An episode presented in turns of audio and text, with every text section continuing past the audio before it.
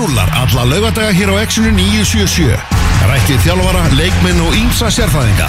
Elvar Geir og Tómas Þór mæta með fótbolta.net á laugadagum millir 12 og 2.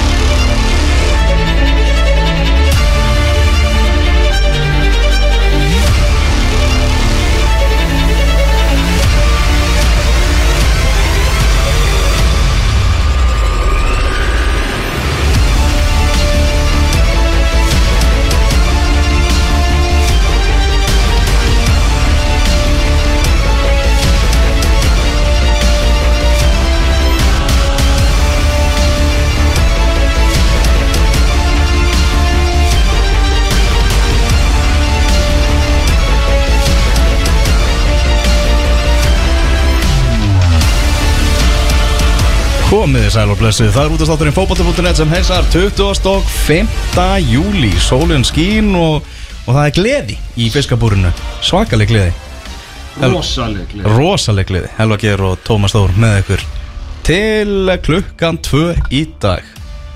Stefið Já, það heyrist eitthvað fyndið í þér. Það ekki? Jó, Er þetta ekki eins og ég sé ekki í fiskabúrið? Ég er því ég er allt. Þið raungum mæk? Alltaf í raungum mæk Hvernig væri nú að laga bara fjarka minn? Já, Ómar, ef þú ert að hlusta. Ég vil fá fjarkan áttur fjarkina. Nei, já, úi, hann má vera, nei, nei, burt með þetta. Herru, stöfið! Já, já, já, ég skal segja ykkur það, krakka mínir. Herru, nú er nú gaman að tala um krakka. Uh, Fullt af krökkum. Hér beint fyrir aftan okkur. Reykjöp, Ah, Capelli, Reykjöp í sko blúsandi gangi og það er á, og það er á vikum sem þessum og helgum sem þessum. Uh, Sérstaklega þegar veðrið er svona fínt sem það er ekstra gaman að búa í uh, þróttarakverðinu þar sem að ég uh, held hún til húsa þróttur að vikingu sé. Að hérna lögadalun að gjössanlega sko hann yfir á lífi eins og smábett með njálk eins og sagt var í kvæðinu. Og hérna búið að ég er búin að kíkja á nokkar leiki ok. svona á, á, hérna, á TBR-vellinum og taka hérna nokk tíu myndi hér og tíu myndi þar og ég hef ekki nokkrar einustu áhugjur af æskulandsins það eru, ég er búinn að sjá bæði stráka og stúlkur sem að geta svo sannarlega sparkað í fótbolta. Sparkað fast og sparkað uh, í skeitin. Framtíðin er Björn, segir, Já, segir já. Tómas Já, þetta er alveg fótballtafestival sem að Þórir Hákonarsson er að standa fyrir hérna bara rétt í, í garðinum við stúdíuð okkar. En uh, í þessu dætt í dag þá ætlum við að fá til okkar uh, lengju deildar sérfræðingana Raff Markus Vilberg, Vilbergsson og Úlfur Blandon eru vantarlega hérna til okkar á eftir. Að vera með svona smá þriðjungs uppgjör bara vantarlega hús hvað og hverju. Uh, svo setna þá er það Kristján Atli Ragnarsson okkar sérfræðingur um ennska boltan við ætlum að hitta upp fyrir loka umferðina sem að framfyrir á morgun og hann ætlar hérna að opinbera valsitt á liði ársins í ennsku úrvalslitinni en við ætlum að byrja þetta eins og stefið. Gefur til kynna. Stefið. Pepsi Max stefið okkar. Þá byrjum við þetta sjálfsögðu á Pepsi Max deildinu og það eru leikið þar á morgun og á mánudaginn. Við ætlum að skoða þetta eins Eh, byrjum á leikjum morgundagsins. Það sem eru tveir á dagskráni Káa og Káer er að fara að mætast á greifa vellinum Arna Gretarsson ekki búinn að fá á sig mark síðan hann eh, reimaði á sig stjóra skona hjá Akureyringum er Káa að fara að fá á sig mark á móti Íslandsmeisturunum á morgun? Ég er bara ekkert svo viss um það sko. Ég er bara alls ekkert svo viss um það. Líka á heimavelli og Þú veist, þegar, það sem að eh, Arna Gretarsson getur ekki múra fyrir Það mun hinn uh, skilurlegi greifavöllur Vantalega bara hjálpa þeim. Þú veist, hann getur svona komið, komið að góðum nótum Þegar að eh, menn alltaf kannski sparka hann um í markið En hitta þó þúfu og skjóta eitthvað langlegan upp í þorp Þannig að uh, þetta var svona Rúna Kristinsson hefur lítinn húmor fyrir lélugum græsvöllum Jú, jú. Hvað þá þegar sko, það er svona njask hér og þar í, í káarhópnum Á. meðsli og alls konar dót sko. Að vera að fara að mæta þennan völl ég held að hann sé ekkit húrrandi káttur Nei, líka þetta er svo fljótt uh, gaman að sjá hvað, hvað maður er fljótur að breytast og hvað, hérna, sko, vindurinn fer bara norður, austur, suður norður og niður, sko, á bara á nokkrum dögum hvað eru margir dagar síðan að við spáum því að fjölinn myndi basically vinna, nei fyrir ekki, Káur myndi basically vinna rest í þessu móti á meðan að uh, allt logar nánast stafna á milli hjá okkur einasta félagi þú veist, út af einhverju, það er einhver vandamál allstaðar, hvort sem það séu, þú veist, rauðspjöld og leikbönn, þjálfarar reknir, uh, aðdáendur, óanæðir, ég veit ekki hvað og hvað sko. Þú veist, þá er Rúnar alltaf bara í hérna, hold my beer stellingunni. Bara grenjandur hlátri sko og alltaf, þú veist, og þegar við vorum búinir að hæpa það allt upp til fucking skíjana þá gera jafntefli við fjölni eða jafnteflis tap við fjölni. Við erum, að, við erum að tala um það í síðustu umferð Það er að fara rauk fyrir því að í fjórum af sex leikjum hafi orðið óvænt úslit Þannig er bara þessi del ja, einmitt, þetta er náttúrulega algjör vittlisa Það er bara, bara skemmtileg vittlisa stjórnussigurinn upp á Skaga og, og hérna valsigurinn og svo hitt var bara óvænt. Bara gríðalega óvænt sko. Já. en vissulega, hérna, eins og segir, mjög skemmtilegt. Þannig að ég er ekkert alveg hérna ég er ekkert alveg eitthvað svona samfæður um að KR fari og, og KR bara káa í þessu leik, eins og það hafa gert sko? Þeir verðast líka að vera með hausin alveg 100% rétt skrúan á káamenn eftir að Arna Gretarsson mætti. Já, þetta er bara alveg reynguma Mér er 180 mínútur ekki búin að fá sig eh, mark, skoruðu eitt nýttið það í, í fjögur stig og bara verðast vera bara ansið góðir sko, hérna, mm. heyrðið viðtal í já, stutt viðtal í, hjá Hjörvari með við hérna við Frandarsen, ég minnst ekki koma nú oft fram að hann og Áskei Sigurkjarsson eru frændur en hérna en það er svona að maður heyrði alveg á svarin hans þegar hann spurði út í Arnar að það bara svona einhvern veginn bara svona, maður heyrði alveg hvernig hann svona ljómaði. Þú veist, innanbrjóst að þegar hann er komið inn með, með trykki og dífu sko. Já, Arnar Vöglega líka fylgst vel með gerir bara basically það sem að allir eru búin að segja að segja að káa þyrst að gera. Einmitt, og Já. líka þetta bara allt meika líka, meika líka sens. Uh, Ég sá líka að Hjalti Þór okkar maður var að tala um hann í hérna, Káa podcastinu. Já, og svona bara það sem hann týsti með og svona fannst skemmtilegt að tala við hann og ég get alveg vel ímyndum með það að Arna Gretarsson sé, sé fullur eldmóðs og vill svona, hann er örgulega ég, ég skil hann, hann er örgulega mjög pyrraður og þurfa að sanna sig aftur því að hann var búin að gera dundur flotta hluti og svona breytti svona og þegar hann kom inn í bregðarbliðsliðið og þegar hann var hérna maður skettir, var ekki Gaupi sem að tók húsa á hann þegar hann var hérna með rauða svæðið og bláa svæðið og menn áttu einhvern veginn að vera í, þú veist, einhverju hugafæri, þú veist, kaldir heitir og eitthvað svona, þú veist, það var svona aðeins Já. komið eitthvað nýtt inn í þetta og það svínvirkaði, ég meina, þú veist, þeir- þeim gekk rosalega vel Mhm. fjaraði þetta undan því og allt það, þannig að ég, hérna, ég skila hans, ég, ef hann er svona svektur, en hérna, hann verður líka bara taka því með ákveðna ummygt og ég held að hann geri það, sko, ég held að sé bara það glaður að vera komin aftur í, á sviðið, sýninguna. Mhm. Á morgun einnig þá er breyðarbleika frá að keppa móti Ía. Ía burstaði bleika í úslitum fótballa.net mótsins. Liðin mættust síðan í lengjudeldinni og lengju byggarnum segja ég, ekki lengjudeldinni Kannski Og- næsta ári. Já, kannski Nei, ég varst að það. Og þar voru það bleika sem að burstuði Ía. Já. Þannig að nú er komið að, að Að ía, alvöru alvörunni. Eða svona 5-5 játefli. Já, þetta getur orðið mikill markaleikur uh, Það sem náttúrulega allir eru að ræðum Það eru blikarnir og, og, og, og alltaf blikar.is sem er stuðningsmannavefur breyðabliks mm Mhm. Rátt fyrir að það sé mjög óljós lína hann á milli Því að þetta er stuðningsmannavefur En samt eru þeir með tilkynningarnar um nýja leikmenn og samninga og allt þannig inn á blikar.is Þannig að þetta er svolítið, er svolítið öðruvísi stuðningsmannavefur Hefur manni fundist Er þetta ekki bara veist, bara fótbolta vefurinn eða? Lítið er þeir ekki á þetta þannig? Nei, hann stendur stuðningsmannavefur, blikar.is Ok. En, en og- deildin, no, eins og þú segir, notar þessa síðu til þess að Komið tilkynningar. Koma með tilkynningar. Já, já, þannig að svona, eins og segir, það er óljós lína. En ég skil Ó. hvað, þú ert að fara núna. Já, það er þessi pistill. Er þetta opumber pistill frá breyðabliki Óásættanlegt og upprópunamerki Já.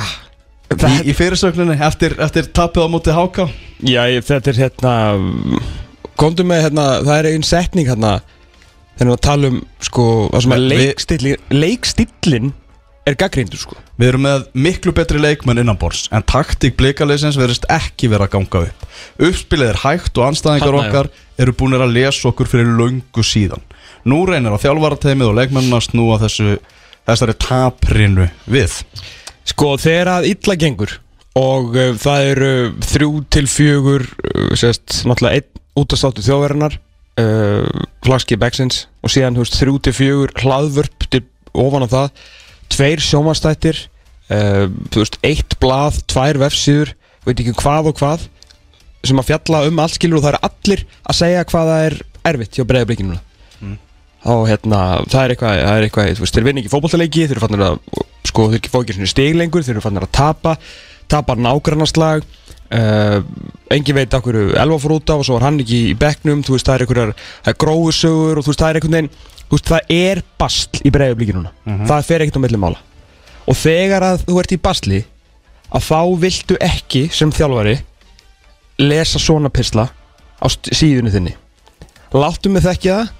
Þú veist, ég sá um svona síðu á sínum tíma uh, og var uh, ekki vinnur þjálfara margra leikmanna á þeim tíma þar sem að ég mitt skrifaði bara svona pisla og ég er náttúrulega held með vikingi þannig að við töpum rosalega mikið af fótballtaleikjum og ég er oft mjög reyður og þá, þá er ekkert mjög sniðut að fara að skrifa þá sko. Þetta er, þetta En ég hef alveg upplifað skiluru bara svona reyði, andúð og heft skiluru þjálfara, leikmanna, stjórnamanna úti í svona pisla skiluru, bara á mínu eigin skinni. Veistu, bara þetta er alveg rétt hjá honum. Það er ekkert, meina, auðvitað þetta ósættalegt að breyðablík sé að tapa fyrir háká með hvernig fótballtaliðin eru sko. En óásættalegt upprópunumerki Þetta er smá strísfyrirsög þetta er nefnilega mikið stríðsfyrirsögn og ég skal lofa þér því að Óskar Raff Þorvaldsson er brjálaður Hmm. Þa, það er Það kemur ekki á þú vilt ekki þú vilt fá smá ró á þessum eina vettvangi, skilur Mhm. mm þetta fyrir alveg beint í hjarta á blíkunum sko. Já, en það voru líka bara allir fjölmjölar að gera mat síðan úr þessum pisli þú getur alveg staðið að þér stormin frá fólki sem að er ekki, veist, innandina sem að veit í hvað er í gangi, fattur þú getur alltaf einhvern veginn dissa bara fjölmjölina hvað þeir, veist, þeir veit ekki neitt og veist, þessi heldur með þessum og hann er reyna, þú getur búið til alls konar dæmi, sko. En þegar að þitt eigið fólk urðar yfir þig í hvað? Í sjöundu umferð? Áttundu umferð eða eitthvað? Ekki áttundu umferð, Jú. komið áttaleiki Átta leikibúnir þú veist, það er svona, ég held að þú vilji kannski aðeins meira þólumæður sem, sem þjálfari og ég var nú alveg til að ég var til að vita hvort að þessi ágæti maður hafi fengið, fengið símtal. Já, það er allavega breyðaflik í á, morgun og það verða eitthvað breytingar á bleikaliðinu því að Brynjólfur Andersen Vilumsson, hann er til dæmis í leikbanni í þessum leik. Uh, Svo er það mánudagurinn, fylgir háká hvernig mun, fylg, fylg, uh, mun fylgir mun háká fylgja eftir þessum luxus úrslitum hjá þeim á, á móti breyðabliki eins og við töluðum um í yngastinu ég meina Brynja Björn lítur að hvað var komið skilabóðin við liði vera með þetta hugafar í öllum leikjum takk. Sama hvort það sé fylgir eða K.R. eða breyðablik Já, algjörlega, ég meina fylgi, sko háká eins og þeir spilaði á mútu breyðabliki uh, ég, veist, við vitum alveg að þeir munu ekki gefa öll prósentin sem þeir gá í þann leik á mútu fylgi þú veist, það er náttúrulega bara ekstra í þessum, kópáslag en hugafarið verður náttúrulega að vera eins en, en eins og ég var líka að segja í yngastinu að þú veist, þeir verður líka bara að spila saman fótbolta sko. Mhm. þú veist, þetta er ekki alltaf bara að fara út og berjast þú veist náttúrulega líka bara að standa þína plikt uh, gera það sem þú átt að gera vera í réttum fæslum, verjast eins og maður uh, var náttúrulega heldur að börkun okkur með það, en ekki meittur hann fór var með klaka á, á nérnu allavega veist, ég veit ekki meir Nei, ég myndi ég hérna bara svona að því að hann fór þrís og niður svona eins og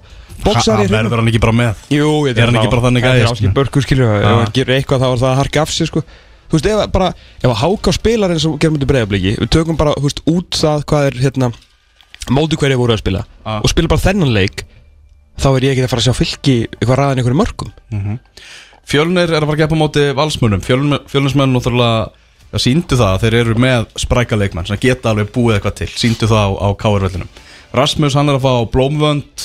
Hann var á, áhugavert að Kristjan þarna danski sóknumæður hann var ónótaður varamæður í þessum leikumóti káir Já. Hann er kannski ekki alveg leikmaður sem þið heldur að vera að fá eða hvað? Með hann á samt að vera góður sko. Hann á komir aðeins á Svo- svaka sífi Já, svaka sífi og hérna og við talaði nú við, við böttgerðin um hann kannski svona örlítið hlutdrægu þar sem sagt uh, Henrik að að hjálpa þeim að hjálpa þeim að fá hann en ég menna hann var mjög heiðileg með það að ungverðin væri svona kannski aðeins meira risk en sagði að Sýðubæk væri bara virkilega góðu leikmaður. Þannig að veit ekki alveg að fjölnir er að fá hann og, og spila hann mikið sko en auðvitað vilja hann líka vera á sínum strákum. Það er eins og staðin er núna þá er mjög líklegt að fjölnir verði í lengjudeldinni á næstu leiktið og þá viltu náttúrulega vera með fleiri alvöru leiki undir belti hjá þessum hrikalega sprækustrákum sko. eitt versta orðið í fótbolta Mm. er sprækur þú veist, Já. ef þú ert með spræklið þá ert ekki með gott lið Fattarðu? Já, ég skil Þú veist, Og, þetta eru- og þetta eru- fjölnir er með sprækli þeir eru nefnilega með spræklið sko. Þú veist, þetta er, er gaman að sjá þá þeir eru svolítið svona, svona gróta á fjölnir þú veist, nýlegaðnir á breykinu af því að jú, gróta er líka með spræklið skilur þú veist að ég hef alveg gaman að horfa á þetta. Og, og hérna, gaman að fá Hallvard inn í þetta fyndið og skemmtilegt mark sem að, sem að Kortarinn skoraði hérna með, með bringunni. Og þeir eru eftir að sína okkur alveg svona svona hluti en, en þú veist, sprækir don't win you football game sko, því miður. Valur klárar þetta. Uh, ég held að Valur bara, er þetta í gráður maður? Já, eins og Valur að spila núna ég, er ekki bara, ætti að vera easy 3-0 eða eitthvað, ef ekki meira. Svo er það uh, F.A. Gróta við, ja. við höfum ekki að þetta talað um höfum við eitthvað talað um Lundalinn eða, að viti? Jú, eitthvað, jú, jú. Við köllum eftir því að hann bara myndi fara að byrja. Já, Og hann hefur síðan byrjað, Valgeir Lundan. Hefur Flott hjá hann sko. Já, Ég, hérna, já, hann náttúrulega að fara að mæta sínu uppeldis sínu félagi. félagi sko. Ég hérna Við tölum um það í, í fyrra Hvað þetta voru náttúrulega mjög skrítin Vistaskipti hjá honum Því að hann kemur hann úr, úr fjölni e, Yfir í val sem er náttúrulega Alls ekki þekkt Sérstaklega upp á síkasti fyrir að nota unga stráka. Bara, bara ekki neitt Ég meina Aron Eili Sæfarsson var Kjöri nefnilega þessi leikma valsirna fyrir tveimur árum með þú veist á þess að spila mínútu held ég fyrir mestarflokk sko. Veist þetta hefur ekki verið staðurinn fyrir unga stráka. Mhm. um, hann kemur inn í fyrra og fer bara í annan flokkin og við, við kemsum aðeins á því því að maður er einhvern veginn held að strákur og þessum aldrei um, held, minna hann þarf fótballtalegi Mhm. þannig að þú veist ef hann hefur bara lánaður aftur heim í fjölni og fengið að spila þær í lenginni og kemur svona aðeins klárir í slægin en fór í staðin bara í annan flokkin hjá, hjá Val sem að maður var svona frekar ósáttu við hvernig var að geima hann þar og af hverju ertu einhvern veginn að græja þessi kaup til að nota hann ekki. En hann var náttúrulega líka í basli með meðsli Já, uh, en rosalega vel gert hjá hann ég hérna hann ég að stækka rosalega rætt stækkar hratt, Já, þetta er svaka skrokkur hann er Já. góður í fótbolta og hann getur bæði sko þú veist, hann getur bæði bara rekið boltan tekið svona smá stórsveg, farið fram hjá tveimur þreimur hefur líka næmt auga fyrir bara stuttum sendingum þannig að hann nýtist vel, hann ætla að spila öfurulega já. Við, náttúrulega fylgdist með leikjónum í undirbúningnum Jú, fyrir mótið. Og þá tölum við einmitt um það að hann ætti bara ekki skilað að missa sætið sitt, hann ætti bara skilað að byrja í þessu liði með hvernig hann spilaði. A- ekki spurning sko. En samt sem aður það er farið þú veist að því að Valur er bara í þeim bransa að vinna leiki og þá er ekkert alltaf pláss fyrir, fyrir unga stráka og ekki, ekki er hann bara búinn að henda út uh, atvinnumanni heldur hann búinn að henda út sko atvinnumanni sem að nýið þjálfarin sóti mm sem er líka með rétta, rétta fót til þess að spila þessa stöðu. Þannig að það er bara svona ekstra vel gert hjá honum sko. Ég hérna Rósa á hann. Já, mi mikið þetta er, það er ekkert grína einhvern veginn að fólk verður aðeins átt að segja því að það er ekkert hver sem er í kringum tvítið, hvað er mótilum? 2001, hann er ekki jafnkvæm alltaf Jón og Leitni Er það ekki? hann tsekka því Mhm.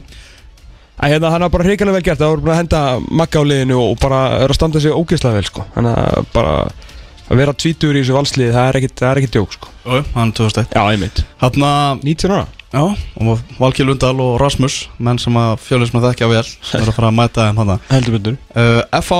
Gróta náttúrulega F.A.liðið hrikalega vond einhvern veginn já og bara þú veist er það ekki, svona, við horfum á Óla Kristjáns árin það sem að svona F.A.ingar er kannski ósáttastir með það er flæðið í sóknarleik liðsins. Þessi, Það skoruðu samt, þú veist, þriðja mest í fyrra.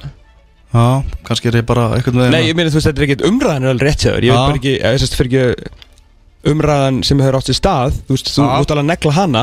En, en það, ég veist, ég ætla ekki að draga hulið við það Þetta er oft búið að vera ansið hægt og eitthvað. Þeir voru samt svolítið að skora. Reyndar, setni hlutan í fyrra fóruði svolítið í gang Þegar Morten Beck náttúrulega mætti bara með trukki og dífu Og náttúrulega unnu hérna skoruði, þú veist er, er hann bara ekki í standi núna eða? Djúvöld er hann lélugum af hverju, þú veist, bara allt hann að gauraldur en í fyrra? Æmitt, bara sáhauður eitthvað ámætnast á að hafa skorað nokkuð fótboltamörk setni hlutan í fyrra sko, þeir unni ekki neitt þeir komast reyndar í Európu sem var vel gert. Mm. en hérna, það er ekki sjóna sjá er hann hann er hann í fyrra hérna, þegar Óli var í sínu bolta að reyna að finna hann að finna vasa á milli línana og, og spila á milli þeirra og gera það. Og þú veist, það var ekkert að ganga. Svo vissu við allir og ég meina Óli fór ekkert leint með það hvað hann vildi gera við, við uh, hérna, guldsmiðin þegar hann mætti inn.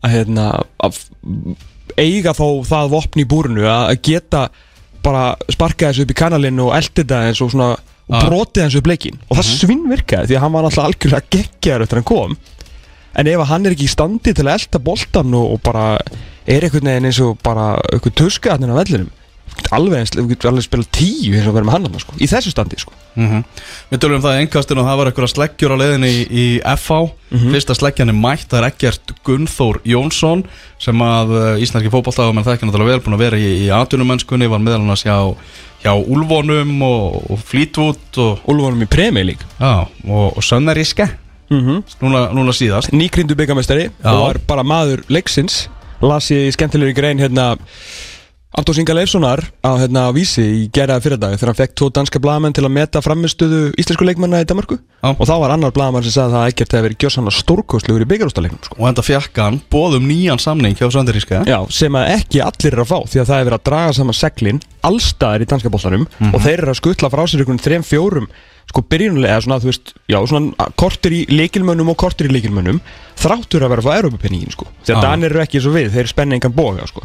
En ekki að bara segja það, nei takk. Hann var bara byrjað að hugsa heim Og sem við FO, sem við líka segir okkur það Hann er ekkert að fá henni slór laun þarna, í, Með því að koma í, í kaplakrigan. Nei, nei, bara þú veist high level laun. Ég meina gæðin er þetta er pjúra aturmaður hvað er hann 88 89 88 Já Já, ég, hérna þetta er kannski í umræðinni um meira flæði og svona meiri gleði í, í sóknuleikin þá er þetta, var þetta kannski ekki sæningið til að hérna einhvern veginn svona negla það? Já, já, en hérna, en skiptir ekki máli. Það sem að F vantar líka inn á fótballtaföllin er meira skap. Það fór ansi mikið úr þessu fótballtaliði með Davíð og Viðesni Mhm. Er þessi leikmaður, Ekkert Guðþór Jónsson Er hann að fara í Davíð Þór Viðarsson hlutverk á djúpur á miðjunni? Eða er hann að fara í vörnina hjá FO til lengri tíma held ég að hann verði miður.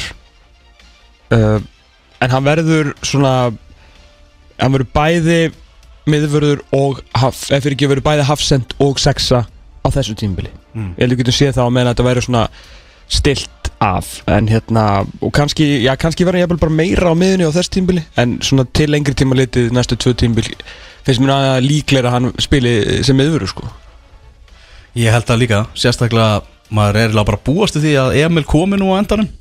Já Þá er lítið pláss að, þú veist á bara Já, þá verður hann í því litverki Já, þá verður hann bara fyrir fram á vörnina Algjörlega. með, með Egil Gunn Þór og þá verður bara í, í toppmálum.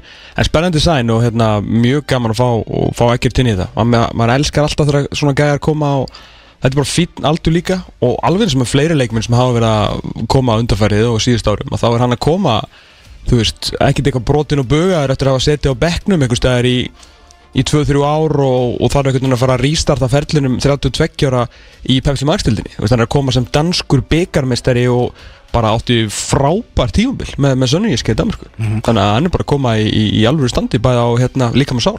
Spennandi. Og hvað mann að fá, fá ekkert í deildina. Við þurfum náttúrulega að fá hann hérna inn í fiskabúri til okkar. Já, já, ég ætla hann að reyna að fá hann núna en hann flög held ég uh, var með tjáða, hann flög beint aftur austur búin að vera heima á, á, hérna, á Eskifirði og, og í golfið mikið sem er á, á gramminu Herðan hann náttúrulega er ekki að fara að spila hann að gróktuleik Hann fær leikjum þegar glukkin opnar þann 5. ágúst Og ég held mér að FAI leik akkurat 5. ágúst Sem að verður þá bara hans fyrsti leikur Ok uh, Svo er það síðasti leikurinn sem við eftir að, uh, aðeins að, að snerta á Það er stjarnan Víkingur Reykjavík Náttúrulega stjarnan í stuði Við tölum um það í einhverstunin Hilmar átni samt ekkert í umræðinu Spurning hvort að hann fari að springa út núna Nei, nei, Þú veist ekki til í það sem nei alls Víkingur ekki, alls ekki. En í Pepsi Max stúkunni í ger Þá var komið bein að tala um það að uh, Rúrik Gíslason væri með samningstilbóð frá mm. Víkingum Einnig verið rætt um að, að hann hefur líka verið orðað við FH Já, Rúrik Hvernig, hefur þú eitthvað heyrt? Er þú með eitthvað insight? uh, ég fór að tjekka á sig þegar ég sá þetta í morgun og þá var mér tjáð að hann sé búinn að uh, hafna vikingum Ok. Þess að Rúrik baðum að fá að uh, æfa og búinn að mæta okkur tvað þeirra æfingar með, með vikingsliðinu og hérna þannig að það var honum fór greiðlega heim af æfingunni bara með þú veist samningstilbóði höndum sko. Menna bara prófa vatnið og þetta hvort að eitthvað myndi gerast. Ah. og hérna en, en var, var, var ekki móttilbóð eða neitt? Það er bara ég bara ég, ég eins og staðan er sko. Þetta er ekki alveg ég, ég allan að já hann allan að sagði nei við, við fyrst tilbúinu sko. Hvort sem, Já. sem að það sé ykkur áframaldi samninga að vera í gangi veit ég ekki. En hann fekk líka tilbúið frá FH uh, Ok. En það var þegar Óli Kristjáns var ennþá og hann hafnaði því. Spurning hvort að uh, hann uh, svona hann honum hugnist meira ég að spila fyrir Loga og, og Eið eða eitthvað. Það er spurning. Og ég meina, þú veist, og og FH líka með þokkarlega statement með að fá Egert Gunnþór og Egert náttúrulega og, Rúrik báðir úr hérna og draumaliðinu á sín tíma þú veist, þekkjast vantilega ágætlega. Og maðurinn sem að stýri þessu öllu er náttúrulega fyrirhundi fyrirlið þeirra. Þannig að þú veist, það er svona það er svolítið svona gullaldar tenging núna í hérna og náttúrulega landslýstenging líka upp með, með eismára þannig að það er svona Gæti verið að Rúrik hugsaði það. Var gaman bara að klára tímabilið svona. Já, þessu, þessu algjörlega sko. En hann, hann náttúrulega er svo óviss sjálfur um hvort að hérna Hann ætla að vera fótboltamaður. Fó, Já, Það er eiginlega bara þannig með að við svona viðtölu við hann sko. Þá hann einhvern veginn heldur hann öllu opnu og hann segist alveg möguleg að það sé möguleik á því að hann bara spil ekki áfram sko. Já. Það er þannig, heyrðu, það er uh, lengju deltinn við ætlum að fara í hana hérna eftir augna blik en það er allavega nýjunda umferð framundan í Pepsi Max deltinni sunnudag og mánudag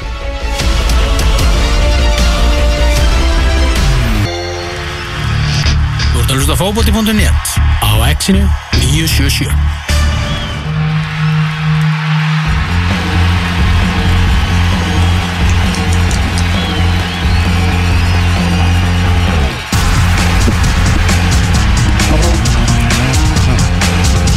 Áframeldur út á sattunni fótbolti.net hér á X977 og við ætlum að fara að eh, vinda okkur yfir í lengju deildina sjö umferðir búnar í lengju deild kalla og við ætlum að vera með svona þriðjungs uppgjör hjá okkur eh, næst. Og hingar eru komnir okkar sérfræðingar Rapp Markus Vilbergsson og Úlfur Blandon velkomnir í fiskabúrið, strákar. Takk fyrir. Takk fyrir. Þið eru sumar sælir, búin að taka lit og svona, þið hafa verið að nota sólina. Ég fara bara á öllin, það er bara besta sólbæði Já, það er langt best srópaði Það er langfest Heyrðu, við ætlum að skoða öll uh, tóliðin í deildinu og hvar þau standa Einnig ætlum við að uh, ætlum þið að velja uh, leikmann fyrsta þriðjungs, besta þjálfaran og mestu vonbreiðin en byrjum á því bara að skoða aðeins töfluna og uh, þar er í fyrsta sæti. Byrjum á topnum þar sem að uh, leiknismann í, í breiðholti uh, sitja með uh, 16 uh, stig. Þetta hefur gengið virkilega vel hjá Sigga Höskulds og, og Hans Sveit í það sem hafi tímabili, Úlfur. Já, þeir eru búin að vinna síðustu þrjáleiki og skora fullt af mörgum og hérna dýnamikin er virðist vera feikilega góð og, sterkarna og ungu strákarnir sem við vorum búin að ræða um í fyrir, fyrir tímabili eru svo sannlega að skila þeim hérna árangri sem að til þeirra var vonast. Það var margir að skora, það er einhvern veginn svona ef að einhver á dánleik þá þurfa þær samt ekki einhvern veginn að hafa áhyggjur. Nei, einmitt og hérna ma ma mann finnst virkilega gaman að sjá Vúk og, og hérna Sævar allar vera að taka, taka svolítið leitt og hlutarkið í, í liðinu og, og, og stýra þessu stýra þessu skipi áfram. Mm Hvað gerir að verkum að leiknur á topnum, Rabi? Ég veist mjög eins og við tala um að það eru margir að skora. Það er fjóri konum yfir þrjú mörg þannig að það er eitthvað sem að skiptir miklu máli í svona topplið en, en ég held að Siggi hefur að gera og er bara hérna ná góðu samstöðu. Þetta er hörkur og lið það er ekki langt síðan að leiðinslið var sa- samansett á blikum. Mm -hmm. það Kristof var með liðu og mikið óvona með það. En nú er komið mikið leiknishjarta og, og leiknishjarta er stert og það er eitthvað mikið bara til kringum það. Mm Algjörlega. Já, það sem ég svona kannski maður horfur á með leiknisliði eins og ég, hérna uh, þegar maður var að skoða liði fyrir tímabila þeir eru margir hérna búin að spila lengi saman og, og þekkja hvern annan út og inn og, og það er búið að búa til svona ákveðin kjarna innan, innan liðsi sem, sem að er sterkur og ég held að þessi liðsil sem að þeir eru búin að og þetta umhverfi sem þeir eru búin að móta sér núna með, með þessum tíma sem þeir eru búin að eiga saman er búin að skila þeim þessum, þessum árangur allan að hinga til Binnir Hlöð meittur, ekki vita hvernar, hann verður, verður klár aftur. Þannig að mikill missir að, að missa svona þennan leitt og Tómas Já, ekki, ekki nokkur einasta spurning sko. Ég hérna náttúrulega, þú kallar Sævar alltaf, alltaf þinn, fyr, minn fyrirliði sko. Hann er með bandið. Ég, ég veit það sko og er náttúrulega heldur betur vel að ég komin. En minn leiknisfyrirliði er náttúrulega bara Brynjar Hlöðvísson sko. Þú veist, hann er náttúrulega bara tákmynda alls þegar sem að ég hef uh, bara svona kynst á því að og mörgum ferðum minnum er breiðholt bara frá því sko upp, upp úr aldamótum. Þannig að ég hérna reyndar held ég að liði sér bara í, í það góðu málum að þetta mun ekki hafa veist einhver allt og mikil áhrif en það verða, það verða leikir þar sem að þið munum standa upp á sörlum og hugsa bara anskotin, nú væri gott að vera með Brynjar sko. Þú veist, hann er það mikill karakter sko. Mm -hmm. Liðið svona skreið í gegnum Magna, búið að gera jafntefla á móti vestra, kannski er þetta svona veikleiki leiknis að gýra sig upp í þessa leiki sem að þeir eiga að vinna? Er það ekki bara sama í fyrra, við vorum vandraði með senda þessi næri lið. Ah. og hérna, ég þekki hana vel sjálfur. Við vorum, tókum nú leitt sem er reglulega í nýjaríkinni en hérna, ég held að sé aftur á móti þannig að það er einhvern veginn svona það er allt með þeim í dag. Og en samanskapi í fyrra, alltaf voru þeir komið svona baktra með að þessur barátum mm en í ár einhvern veginn, og eins og núna sísón er að byrja og þeir strax konið í toppsætið og, og það er náttúrulega mikið umtalað um leiktisliðin en í fyrra komið baktra með og, og allir sér hérna svona þeir ætlu sjálfur að stila sætinu en í dag er það hérna einhvern veginn þannig að, að hérna sko nú er pressan á þeim. Mhm. og spur, spurning hvernig þeir líka höndla það. Mm Og maður tværa þarna mikrofónu aðeins, aðeins nærðin Mér myndi ekki alveg, hann er ekki En- alveg í besta heldur. En geta, hérna, getið þið sagt mér bara aðeins hver Sigur Heiðar Hoskuldsson er eða? Bara sem ég held að segja komið smá tíma og bara tala aðeins um hann sko. Menna, þetta er bara, þetta er ykkur óvæntastu þjálfari sem ég hef séð bara í langan tíma sko að vera að gera svona hluti. Menn hann, mér fannst það bara koma einhvern veginn out of nowhere. Svona, ég skal alveg viðkynna það Mér fannst þessi ráðning svolítið bara svona Úf, þú veist hvað ég var að gera, búið að vera svona smá þjálfara rót og hérna, eitthvað, svo einhvern veginn er hann bara með þetta lið á topnum, sko. Þannig að bara smá appreciation fyrir, fyrir hver er maður? Allavega það sem ég þekki á hann er búin að vera þjálfa bara yngri flokka Já. og hjá leikni og hérna búin að vera að gera gott mótar og virkja vel liðin innan félagsins Mm. og hérna fyrir mitt leiti er, er hérna þegar, stjórnin setur draust á þá sem að vera að gera gott mót í yngri flokka þjálfun þetta skiptir gríðarlega miklu máli fyrir unga þjálfara og það er eitthvað sem að sem að hérna telur svona þeirra fram í sækir og, og, og eins og við sjáum núna það er verið að rífa fram á sviðið aftur Lóða Ólafs og, og Gauja Þórðar og, og hérna ungu þjálfarnir sita, sita kannski Og með, og býða en þá þannig að ég fagna því að, að, hérna, að menn taki þessa sénsa og, og, og leifi mönnum að, að hérna, spreita sig við, við toppaðstæður og, og, og þeir hafi eitthvað fram að færa og, og mér finnst hann verið búin að sanna það svo sannarlega allan í síðustu töttímbil, hann að ég fagna þessu. Já, líka það sem að mér finnst mjög impressív með, hérna, með Sigga, hvað er hann búin að kveikja svona í mönnum. Svona, þú veist, eins og þeir hafa stundu verið kallaðir svona uppgjafa blikar, skiljur strákar sem hafa ekki komist þar inn í, menn þú veist, Ernir, Sólon uh, fleiri til náttúrulega, þú veist, og Dagur og þessast tvíburarnir, sem að ég er náttúrulega held einhvern veginn held bara, að ferlinn þeirra var bara að renna út í sandin, sko. Á, þau eru búin að vera þrjusuflóttir með Þú þú veist bara fullt af nöfnum sem einhvern veginn svona, ég bjóst ekkert við því að þeir myndi einhvern veginn ná hvað á að segja, svona þessum barnastjórnu vopnum sínum aftur, en það er bara hver einasti leikmaður sem er undir stjórnastekka þessa dagana. Það skiptir engum máli hvað hann heitir og hvort það sé uppalinn í breiðholti eða, eða kópói eða sko á hlýðrenda, það, það eru allir góðir sko.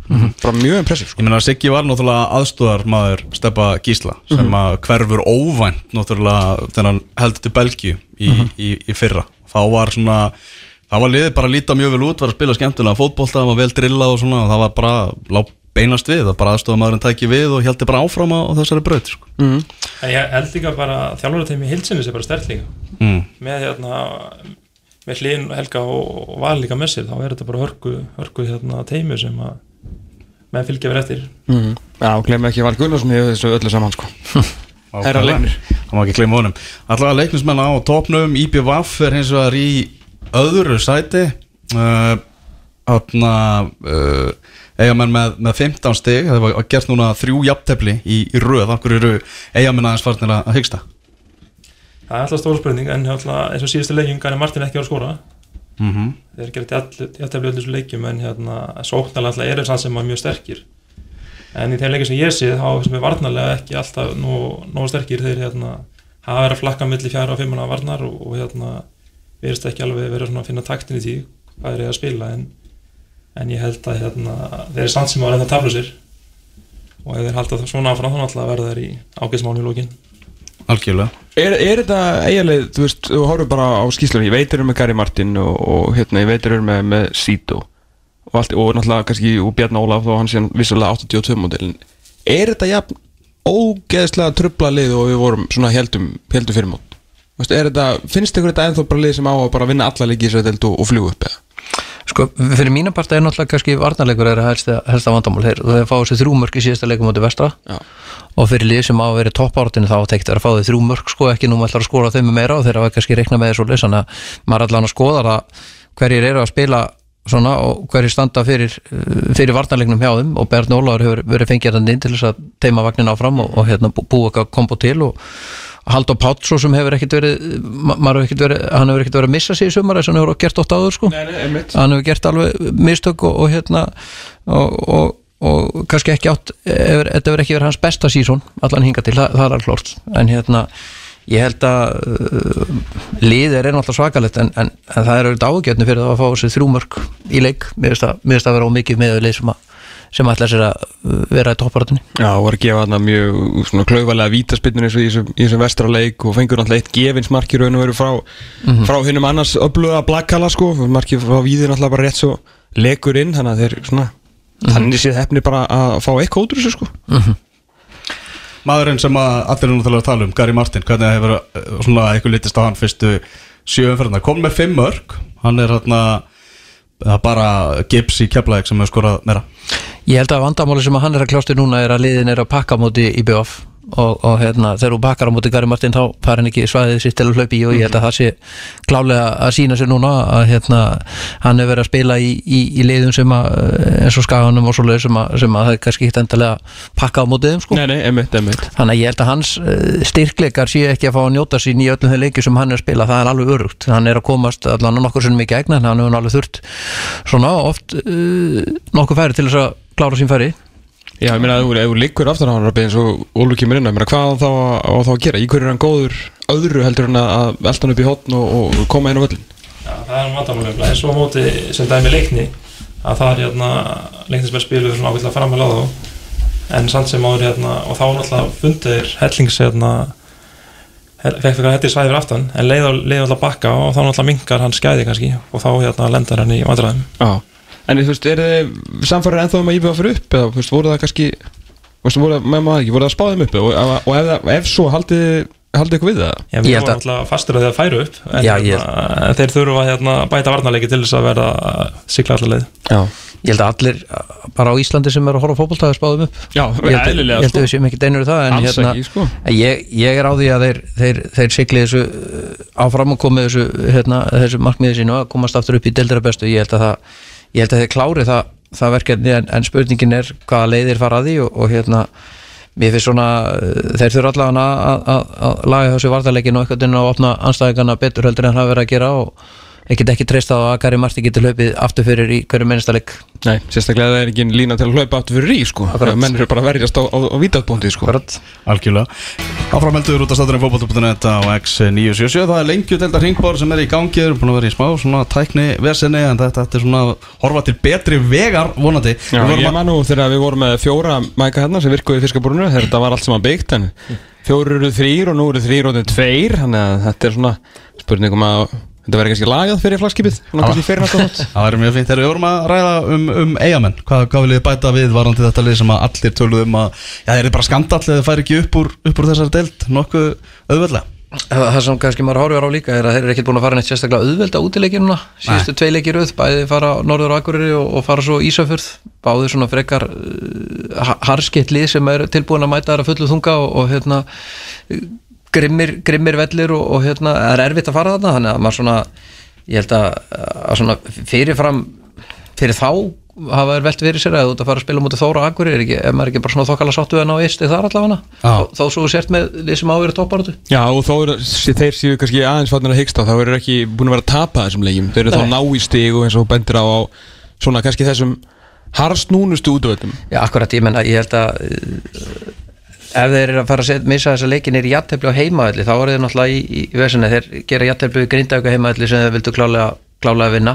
En Grindavík á- átti líka svona fyrirfram að vera eitt af betri liðunum þannig að þetta er ekkit, Þór og, og Grindavík þetta er ekkit agalegt og ég held að þetta sé ekkit þannig að þeir séu bara með, með hausinni neyri bringu og allt í vonleysi sko, ég held að þetta sé ekki slúðis mm uh, Þessi pakki á topnum árum við förum yfir í, í Keflæk Kemur okkur á óvart svona hvað þetta er þjættur pakki, hvað eru mörglið þarna sem eru bara verðast vera mjög svipuð að getu Já, mér finnst þetta nú sko, svona fyrirfram fyrst mér og þegar maður er búin að vera að fylgjast með deildin núna þá hefur hún oft verið, alveg sama hver, hver ég segja sko, deildin er oft verið miklu sterkar heldur en núna, Þa, það er alveg örugt Já.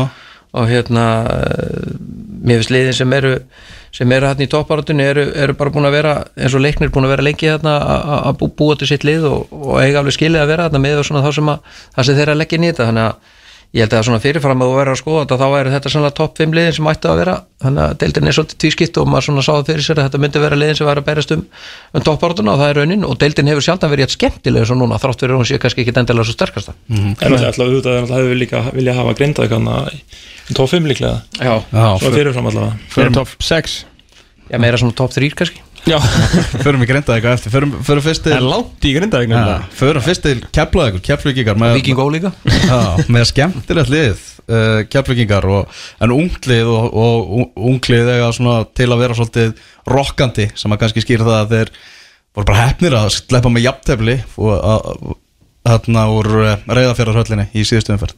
Já, þeir náttúrulega ætluðu sér að hérna tala mjög mikið um það að ætla sér upp og hérna, þeir eru með svipalegi fyrra að bætt bara í og með hérna konur náttúrulega meira reynslu heldur en áður.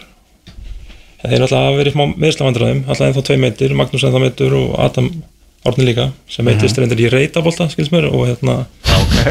verið frá eitthvað tíma með beinmara hnýja eins og Magnús en hérna en það er menn hafa stíðu upp og það er strákar eins og Adam Ægir Pálsson og, og hérna og sérstaklega Rúnáþór bakverðin sem hafa verið frábærir í, í, í hérna í sumar Er þetta ekki síðasta tímbils rúnars í, í lengjudöldinni saman hvort að keflaði fór upp eða ekki? ég held að, ég veist að hann er mjög öflugur þetta er svona kröftugur strákur, hörku bakverður bæði sóknarlega og varnarlega Mhm. og hérna er þetta mikið skap í honum en ég held að hann geti alveg orðið hérna pefsildileikmaður næstari Hann, hann missir ekki að lyftinga einhver, maður sér það alveg alveg á skroknum sem, að, sem hann er Þetta mæti líka bara svolítið snemma og færi seint sko. sko. Já, akkurat Já, þetta er mjög áhugaverð leikmaður sem að svona hefur, mikið verið, verið í umræðinni En það eins og varst, skilur við tala um hérna ungt, ungt lið að misti þessi í, í, hérna, í reyða fyrir höllinni erfið útvöldur að fara og allt það sko. En mér varst það samt bara ágætt hjá þeim sko. Veist að við, það sem að leiknir laðinu leik það sem að náða að sjá á hérna á YouTube síðan hjá þeim og hérna veist að vera að sparka á þeins niður og það var svona djúvulgangur og og endanum ná í stig og svona karakterstig sko. Þú veist þeir lágu alveg á þeim og svo náður að tróða þetta marki sko. Þannig að ég myndi svona kannski aðeins vilja hæfileika séð áttu kannski að vinna þetta 5-6 nú, ég er ekki að segja það sko en samt svona, mér varst karakter einhvern veginn að að krækja hann í stíg undir lokin sko Keflvík að verða þessari baráttu alveg til loka, er það ekki klart? Já, mér, mér finnst keflingar búin að vera ótrúlega skemmtilegir og svona að spila virkilega skemmtilega fótbolta, það er, það er mikil ákefð og, og hérna, kraftur í þeim og þeir eru að fagna mörkónu sínum og bakverðin að koma utan á og það er fullt á hlaupum og mikið hreyfing á miðunni og þannig að ég svona miða við aldurinn á hópnum og, og svona þá þau gæði sem að maður horfið á hópin fyrirfram, þá er náttúrulega í fyrsta leir náttúrulega sendir þeirra búin að skila meiru heldur en maður bjóst við, þannig að spila sitt hvað, fyrsta tímbilið ekki, en komin ekki enda bara núna. Búin að skora sex mörg Þa, það er nú bara gullspottur og dettir í það, fær sendir sem skora fyrir þig, eh, svona í fyrstu ráningu, þannig að hann er að gera þetta mikið fyrir þá. Svo er þetta byggja liðið upp á þessum unga leikmunum þannig að ég held að sé verið að ná út úr þeim ansi miklu með við með það sem þeir hafa. Mér finnst það persónulega, þeir eru ekki búin að vera með Frans og ekki Magnús í, í byrjunum tímbilinu og eiga þá algjörlega inni, Frans að vissu spilaði síðasta leik og, skoraði. og skoraði. Þannig að hann alltaf gjör breyti liðunni ef hann er haldast still. Mm, algjörlega. Sami er alltaf erlendi leikmenn að hafa komið alltaf stert inn líka og fá hann alls svo í vörn en alltaf hefur bundið þetta líka saman. Akkurat. Og Nacho í sóknar alltaf líka Markaðistu mönnum deildarna bara. Það er líka hafa líka verið með hérna eins og alltaf Magnús úti en Anton alltaf Freyr hefur komið inn og hann hefur alltaf staðið sig bara frábælega Já, Erum förum í, í, í framarana sem að þarna, svona hægst á þeirra stigasöfnun eftir að runnu fyrstu leikina þá eru konur hvað þrýr í röð núna það sem að, það sem að þeir hafa ekki, ekki náð sigri. Það er svona ef maður kíkir á prógrami þeir áttu svolítið svona auðvelt prógram í, í byrjun. Framarana eru það ekki bara svona leið sem að já þeir eru bara þeir þurfa að leggja sér fram í hverjum einasta leik og, og sjáu þið þá gera allir á því jafnvel að, fara upp úr þessar deild. Eru þeir það góðir eða? Við erum alltaf rættum við upp að hérna, þeir alltaf byrjuðu svona frekar auðvöldi programmi þannig séð. Mm. Gerðu þetta vel úr því, fengu tólsti og fyrstu fjóru leikjunum en hérna Lélega framist að hefum mótið þrótti í síðasta leik bara mjög lélega mjög slög og hérna og meist alltaf hafa líka að hrjá hópin en svo var spurning með Gunnar Gunnars ég veit ekki stöðun á honum, hann spila fyrsta leikin og ekkert meir Mm. hvað hver hann er. En hérna þeir eru samt að fá strákar svo hlýn alltaf inn og, og hérna Óra Gunnars og fleiri þannig að Mattias Króknes er að koma inn líka þannig að þeir eru fínt liðið. En ég held að þeir verið vandrað með að veri kannski ykkur baratu fram á síðustu sekundu er þetta ekki svona augljósi kosturinn að velja að muni einmitt svona fjarlæðast þessara alvöru topparötu eftir því sem að móti liður Við hefum ekki meiri trú á leikni í BF keflaði gefl þóri eða Já, mér finnst svona, mér finnst einmitt vera kannski eins og horfur ef bara munin á leikni og fram þá finnst mér vera bara miklu meira svona dýnamik í liðinu. Það er miklu meira kraftur og miklu meira ákefð og, og hérna, þeim langar þetta meira. Mér finnst framar þetta einhvern veginn vera það er, það er svolítið þeir eru búin að vera reyna núna að byggja upp liðið á ungum, ungum heimamönnum og, er, og er svona í fyrsta fasa með það, eru að vinna með það og hérna, en mér finnst svona kannski krafturinn í þeim fram á við mér, hann, mér hann, mér er hann hefur vonbreiði mikið vonbriði, mér veist hérna, Alexander Máru er búin að vera að spila leikina og, og, og halda honum fyrir utan lið og hann hefur kannski ekki nefnilega verið að skora neitt svakalega mikið. Þannig að og, og, og þe- þegar svona virðist vera þannig að svona sókna krafturinn þeirra og sókna þungin ég sá, sá það þetta spila á, á móti afturheldingu og já, þeir náði inn einu marki en, en þeir voru svo sem aldrei að ógna marki afturheldinga þráttur að vera meira með boltan mér finnst svona, svona framarðin vera pínu vombriði fram á við. Þeir eru ágættis fæslaðum, fína reyfingar ágættis laupaleðir en, en svona, uh, svo vantar allan einhvern slagkraft þeir eru komast, komast náldmarkinu uh, Þósarar í fymta sæti deildarinnar en það þessi ekki alveg sáttir við svona uppskjöruna líka meða við það að þeir voru að missa stigum þeir voru fleirinn á vellinum og svona hérna tvo leiki röð og, og allt það, þetta er svona búið að vera rokkandi. Sjáu þið þósarinn að verða upplöri eftir því sem að mun líða á tímabilið Ég sé það alveg fyrir mér, já. Ég hef búin að sjá nokkuð marga leikið með Þór og hérna og þeir eru með mjög, mjög mikla breyti í hófnum, þeir eru mjög jafnlir enda fyrir utan Monteja náttúrulega sem þeir eru náttúrulega langtæsti maður og, og Óri Sigjóns en hérna, en þeir eru samt með svona það er mikið stemmingilegri, mikið barátta. Mæting í stúkuna, þetta er fyrirmyndar.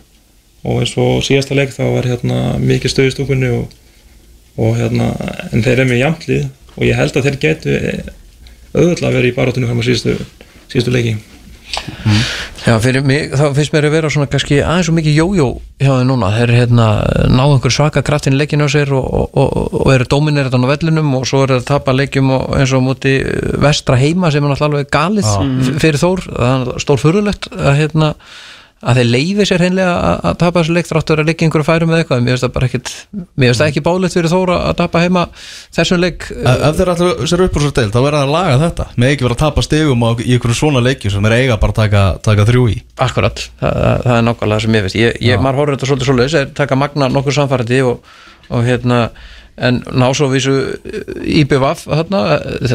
þú þór bara fyrir mína parta, alltaf, þeir eiga bara það, það er hundleðild að spila þarna þeir eru hérna gríðarlega öflugir og fasti fyrir og allt þetta og þeir, eiga bara ekki að tapa stigum á heima þetta punktu basta, bara aldrei. Uh, hvað, Eitthvað meira við, við Þóra að bæta? Ekki.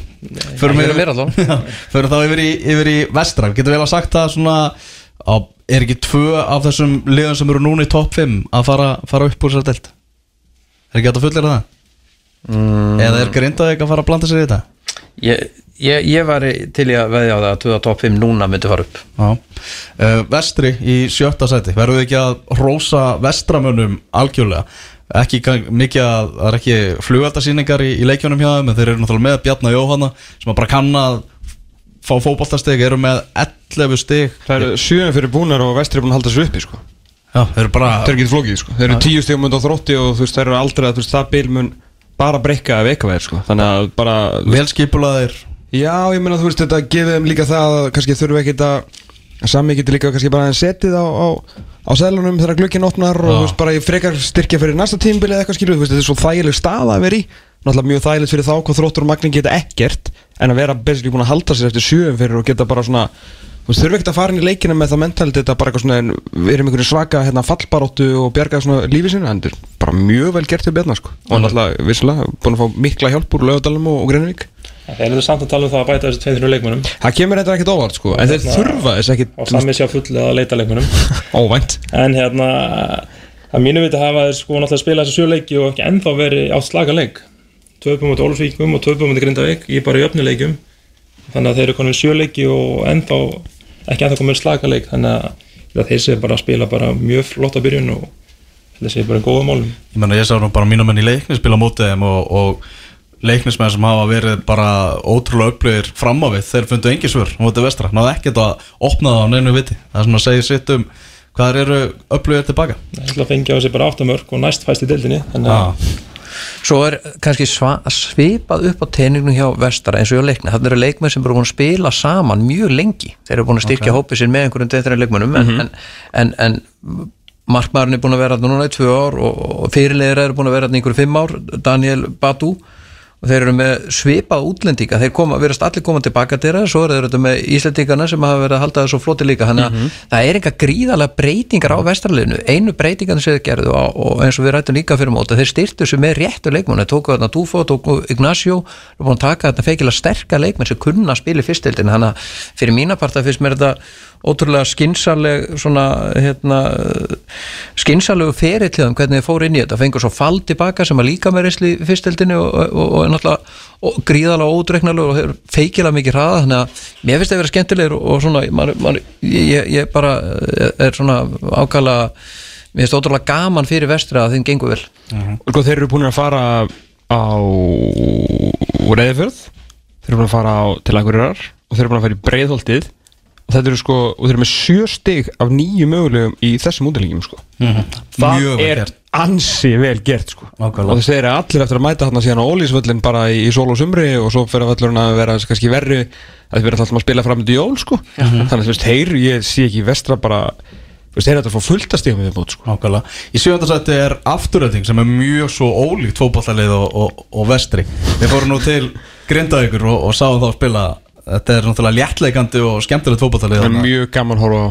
Já. Samanlega því. Náttúrulega með Jason Dada sem að bara heila helsti hausverkurinn fyrir afturöldingur það að st- stóru strákandi vilja allir fá leikmennina þeirra. Akkurat Blikar náttúrulega búin að sækja núna tvo Jason Dadi klára samt tímabili sem Já. er allra skemmtilegasti leikmaðurinn í, í, í þessari deild.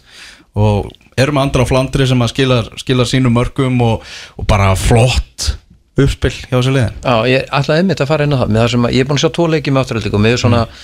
skemmtilegast í kringum afturöldingu er einmitt uppspil í það hvaða, þeir eru með rosalega flotta leiðir veist, þeir eru hérna vel drillaðir í því. Þeir vita nákvæmlega hvernig er alltaf byggja upp sína sóknir og svona það er fullt af, fullt af ótrúlega skemmtilum og spennandi hlutum, þeir halda boltanu vel þeir eru mikið að fókusa að vera með boltan og vera með svona skemmtilega uppbyggingu og svo verðast þeir núna allan í undanfjönduleikjum hafa verið að ná að setja mörgum þeir eru komið með einhver átjum mörg í, í deildinni sem er bara þokkalega gott og Já, þremu meira heldur en IPVF bremur meira heldur en IPVF þannig að, að hérna með þann leik sem maður sá hjá þeim og maður hafði ágjörði hvernig þeir ætti að skora og við fórum inn á að þeir ætti að koma boltanum inn í tegin mm -hmm. sem þeir náðu ekki í leiknum sem ég fór allan á þeir, þeir verðast þeirra búin að ná að breyta því út þegar Jason er, nei hann Andri er náttúrulega farin að skora fullt af mörgum, að Mhm. hann þann náttúrulega bara að fá boltanum tegnum og þeir verðast að list afvandamál, þannig að mér finnst svona mér finnst þetta að vera bæði vestri og, og afturölding eru svona lið sem er bara svona ótrúlega mann finnst þetta spennandi sem þeir eru að gera. Þetta, er, þetta er algjörlega sikk og nálgunin á fótboltan Algjörlega. algjörlega, þetta er bara eh, þetta er sikkur megin á línni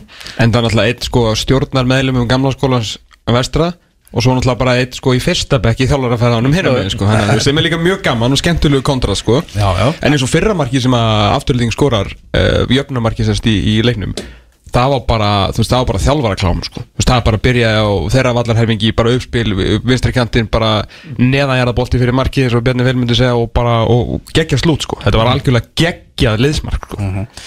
En liðið sem að er í áttundasæti Grindavík. Uh, Allt og mikið að jafnteflum hjá þeim. Jafntefli, jafntefli, jafntefli. Þetta er bara eitthvað saga Grindavíkur. Þetta er ekki óska byrjun hjá þeim. Strax komnir hérna Já, þetta er 6 stigum frá toppsætinu.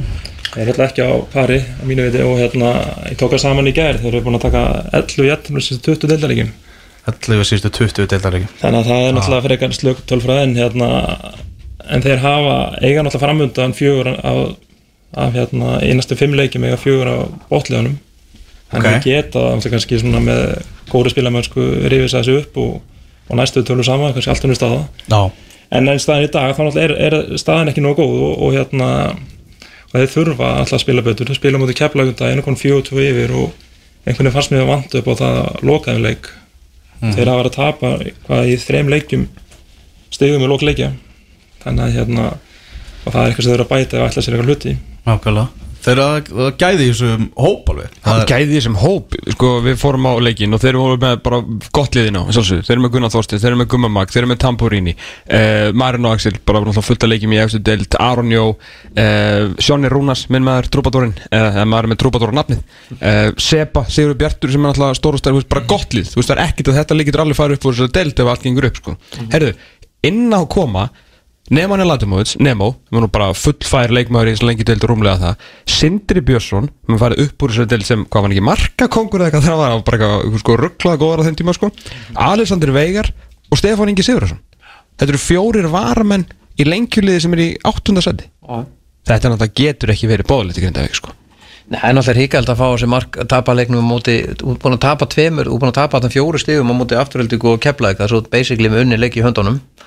Og hérna, þú lítur að setja spurningamerki við, við einbyttingu og, og svona á hvaða leið menn eru með ákvarðanatökur. ákvarðanatökur og hvað eru, menn, hvað, eru menn, hvað eru leikmenn að hugsa? Og hvað, af hverju af hverju þetta tapa niður leik? Þess að þú yfir, kemst yfir 4-2 og ert yfir 2-1 er það eru einu og hálf mynd eftir sko, þú, það vantar náttúrulega bara fókus sko. Já, ég meina, þú veist, í þessum afturhaldningarleik sko, fyrri hlutin fram að markinu hjá Grindavík í setni hálfleiknum bara flottur sko. Þeir voru bara gjörsanlega búin að íta afturlendingunum og afturlending var bara svona litla lið fram að þessu marki. Og markið fullkónlega verðskulda, dundusleggja svo bara kom einhverjum þrefaldar skiptingar og, og hérna Bjössi talaði með að ég hefði viðtalinu sjálfur en verður þetta líka að taka það svolítið á sig. Að liðið bara bakkaði niður og bara, bara gjöru þess að vel afturlending má ekki bjóða ykkur að reyna að komast inn að leik? Og ef annarkvort lið átt að vinna þetta þá var það afturlending sko. stöðinu 2-1 hérna, þú ert yfir og gerir þrefaldar skiptingu. Hérna, þú ert yfir. Ég er svona maður maður áttur sér ekki að voru allir þínu meittir eða var, sko, hvað var áhugjörnið að breyta og setja þrjá leikmenn inn á einu er alveg svakalig breyting. Nákvæmlega, Og það er þetta- reyðilega bara því sem er í gangi á vellinum. Já, þetta er það sem að maður svona upplýði þegar maður var að þjálfa í, í, í annardeldinni sem að, og, og þar var, var þetta tekið fyrir og þú svona með þeim fyrstu sem fyrst að prófa það að vera með fimm skiptingar. Þetta rugglar þig. Þú, þú ert með þarna fimm leikmenn, þú getur gert rosalega mikið og þú getur breytt og, og farið einhverja svakalega aggressívar skiptingar ég held, að, ég held að hann hafi brent sig á þessu. Er, eh, þú, þú ert ekkert að setja í þryggjamanna skiptingu, þetta er ekkert svona eins og að drekka vatn að skipta þreymur leikmennum inn og ætlast til að tempóði breytist eða lægist eða farið til betra sko, það oftast verða í hináttina sko. Hvað, hérna, hvað segir menn á, á Suðnusarabi um þessa byrjun hérna? Hvað, hérna, þeir eru ekkert sérstaklega gulur og gladir þessa dagana. Við upplifum það nú bara eigin skinn í stúkunni að menn voru, já, freka pyrraði bara bæði með liðsval og það eru margir sem á skoðanir og því sem er að gerast í Grindavík. Ég meina, það er alltaf mikið lagt í þetta lið. Einmitt. Og hérna, menn ætla sér að vera mjög ofar en, en þetta og menn, ég, held, ég held að menn svona bundi, bundi mikla voni við næstu fimm leiki. Hvað gerist þá? Það, það er bara úslita kapli fyrir þá þessi næstu fimmleiki sem við erum að tala um sko. Já, ef þeir ganga illa þá verður þetta bras. Já. og þá verður sísunum bara slagt í grindaðið en ég held að hérna, þeir binda líka vonuð það, náttúrulega Stefán Ingi og Sindri Björns náttúrulega eiga, þeim skilst þér rétt að fa- eiga verið í skóla mm. mataríkjana, en náttúrulega sísunum mögulega byrjar ekki þar fyrir bara eftir jól vegna COVID, en þeir getur haldið þeim út sísunni en ég held að hérna, þeir þurfa að spila betur, þurfa að loka leikjan og þurfa einhvern veginn að breyta líka eins og dæmum sem dæmum kefla að, að kl- bara að drepa leikin eður það var svo gaman, svo mikið mörgur skórað þetta var svo mikið stuð að þess að svo grindaði færi bara í vesluna og kláraði vesluna alla leið en hérna, og það er eitthvað sem alltaf virkar ekki. Nei. og grindaði ætla sér að vera á tóknum og ætla sér upp og vill vera uppi. Og áttundasæti náttúrulega er bara slög slög hérna staða þessu stæðin dag. Það þurfa líka þá að finna millivegin vantilega á milli þess að, einmitt, að taka þátt í ykkur allsæri partí skilur Þú veist, þeir hefði alveg getað haldið áfram að á afturlýtingu og unni bara 3-1 en síðan í staðin fóru þeir sko allt og langt tilbaka. Einhver staðar hlýtur að vera hinn gulli meðalvegur að, að klára leiki en gera það svolítið á sínum fórsendum sko. og sér sem markið er á móti afturlendingu, annar markið vörnina Mhm. miða vörn.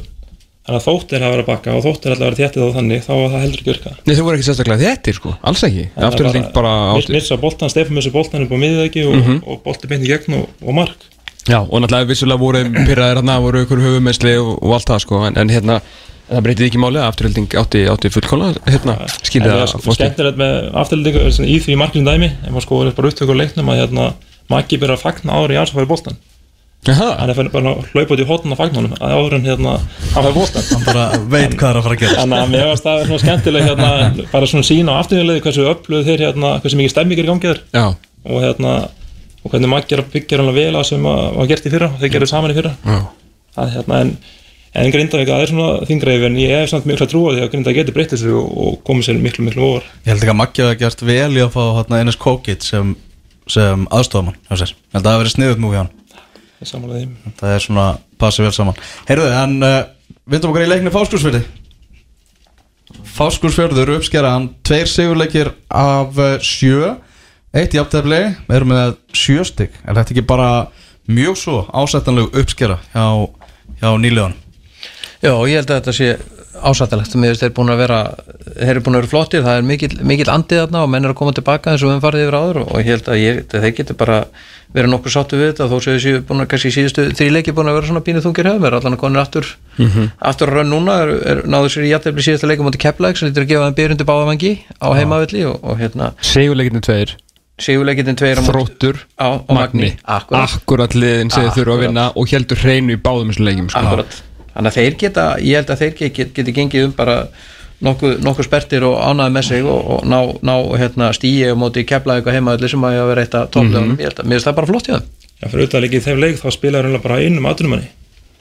Það er bara hérna Daniel Blanco sem spilar og, og hérna og erlendi leikmanni verið annarkostur að konur á bekkin eða bara farnir. Ah. sem dæmi og ég talaði um síðast Salko Jarvis frá Bosníu, hann er bara farin heim sem dæmi.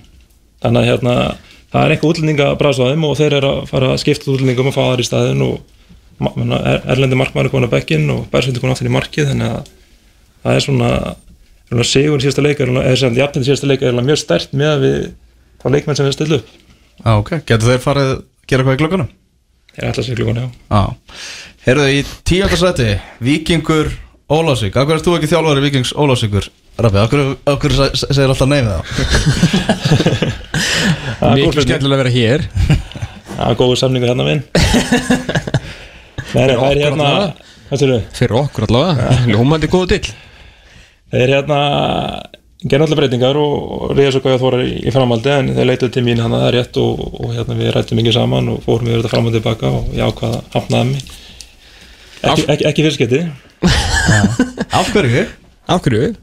Ja, það er spurning, það er hérna ég segi við rættum mikið saman. Hérna er mínu viti öflur hópi stjórnamanna og hérna við tölum mikið, mikið saman hitt og þetta en, en endunum á hérna ákvæði að hafnaði Já.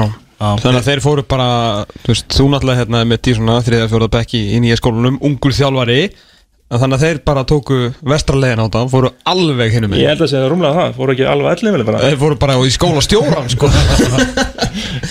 En Gauðið Þóra held ég að geta alveg gert fína hluti þannig að hann kemur með ákveðna hluti inn og hann þarf að taka mikið til hann að skils mér og, og hérna, Er það að segja þetta að þú heldu að þú trættu við hann? Þú veist eins og allir bara. Ég veit að hann þarf að taka til. Já, og ég held að hann líka hérna, gæti alveg gert það og, og kom inn að það með krafti. En svo getur líka spurning um leikmannhópinu annað. Hvort það sé nógu sterkur til þess að fara eitthvað mikið úr. Finnst þér þessi hópur nógu góður í dag til að vera í, í hvað var að segja, hvað er að byrja, efri helming?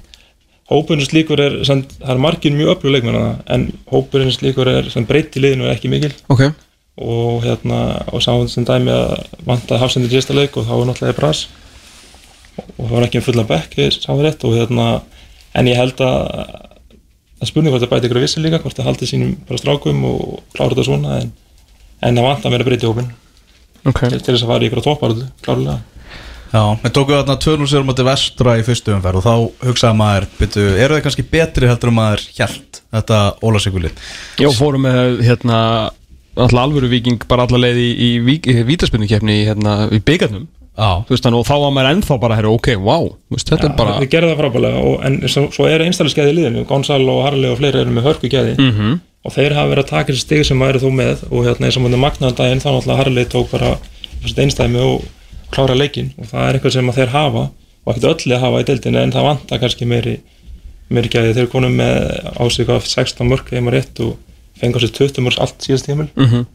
þannig að það er eitthvað sem að hérna sem þeir þurfa að hérna loka fyrir og Gauði Þóra alltaf að loka fyrir síðastönda leikni það gekk nú ekki spes en hérna en þeir eru vona á Eili Kjaki og frá Afríku og, hann sleitinlega crossbandi fyrir á hann með vonandi eitthvað að binda með vörðina saman. Já, vonandi var líka búin að gera þessi ennþá meira. Það er hérna minni upp á að sleikmunum Sá girtast í bransanum sko. Æ, menn þú varst, held á smá ræðið með um hérna um að gefa yng, ungum þjálfurum sér Svo gefum Olsson það, þeir leitu nú til, til rappa skilur En þessi kúvendinga að fara allavega í, í, í Gauja Þórðar. Átta ár að þjálfaði hérna heima uh, Var búin að vera án starfs í, í sex ár. Fótboltinn hefur ekki breyst á síðustu sex árum Sæði Gauji, mætti breyðaldið átta árum eftir að þjálfa sinn síðasta leik hér og tapa 5-0 ég heyrði einmitt viðtal sko við Gauja í, já, Valdíbjörni Já, þarna fyrir leikina móti leikni.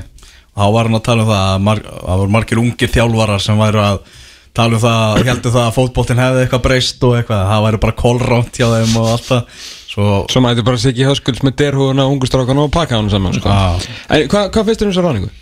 Mér persónulega, ég, mér, mér veist hún skrítin. Já, ég, hérna, ég er talsmaður ungra þjálfara og ég vil að menn fái tækifæri innan sinna félaga, við þurfum auðvitað og liðin í landinu þurfum auðvitað að gefa ungum, ungum þjálfurum sensin og við getum tekið Þórald Siggesson sem dæmi í fyrra sem var með samanlið og þróttur basically með í ár og, og hérna náða að halda þeim uppi og, og menn virðast ekki hafa haft trú á því sem hann var að gera og, og það nú ekki gengið mikið og þeir fóru í fóru, fóru aðeins tilbaka og fóru í ætlaði að fara í öryggið og, og hérna það hefur nú sínt sig að það kannski ekki var ekkit endilega réttasta leiðin. Og hérna ég svona ef ég var stjórnamaður var ég ekki að fara þessa leiðir. Ég myndi reyna að veðja á það að, hérna, að fá unga hugmyndafræði og, og hérna, reyna að taka, taka fótboltinn á, á þeim stað sem, að, sem að við viljum hafa hann. Ég, sem þjálfari þetta fagnar maður því ekki að það þurfa alltaf að leita aftur tilbaka í, í, í, í þá sem verið eru með reynsluna og menn sem eru mögulega hættir og ég meina bara alveg Jólas frábært dæmi um þetta. Hann er búin að hætta 15 sinnum og, og kemur alltaf inn aftur úti því að félagin verðist ekki finna sér þjálfara til þess að til að þjálfa þessi lið og, og hérna auðvitað þeirra leikmenn líka kannski átt að segja því ef að þeim vilja fá unga og ferska og svona ferska hugmyndafræði á þá þurfa þeir þetta að standa og fylgja sér á baku þjálfara sem þeir hafa. Og það er þetta stóra vandamálið að menn eru kannski að leita í það að fá, fá reynslu meiri þjálfara sem að leikmenni bera virðingu fyrir og, og allt þetta og, hérna þannig að þetta eru þetta líka eh, ekki bara félögin, heldur þetta líka leikmenni sem að, sem að hérna, megi ekki tala niður hugmyndafræði ungu þjálfarana þurfa þetta að leggja sér fram við það sem það voru að gera. Og maður veltiði fyrir sig, hvað gerist hjá þrótti? Voru leikmenni búin að fá nóga eða var þetta stjórnin eða hvað? Hver var andin að það og hérna af hverju er Þóróldur látin fara þegar tímabilið var þetta vonbriði en, en hvað hefði hann gert í ár? Hefði hann mögulega náða að gera þetta betur en, en verið að gera núna? Þannig að ég, ég er engin sérstaklega talsmaður þess að það sé alltaf verið að opna einhverja gamla kistur og, og, og rífa menn á flót aftur sko. Nei. það er fyrir mína parta en, Já, já, algjörlega. Uh, Þróttarar, förum í þá.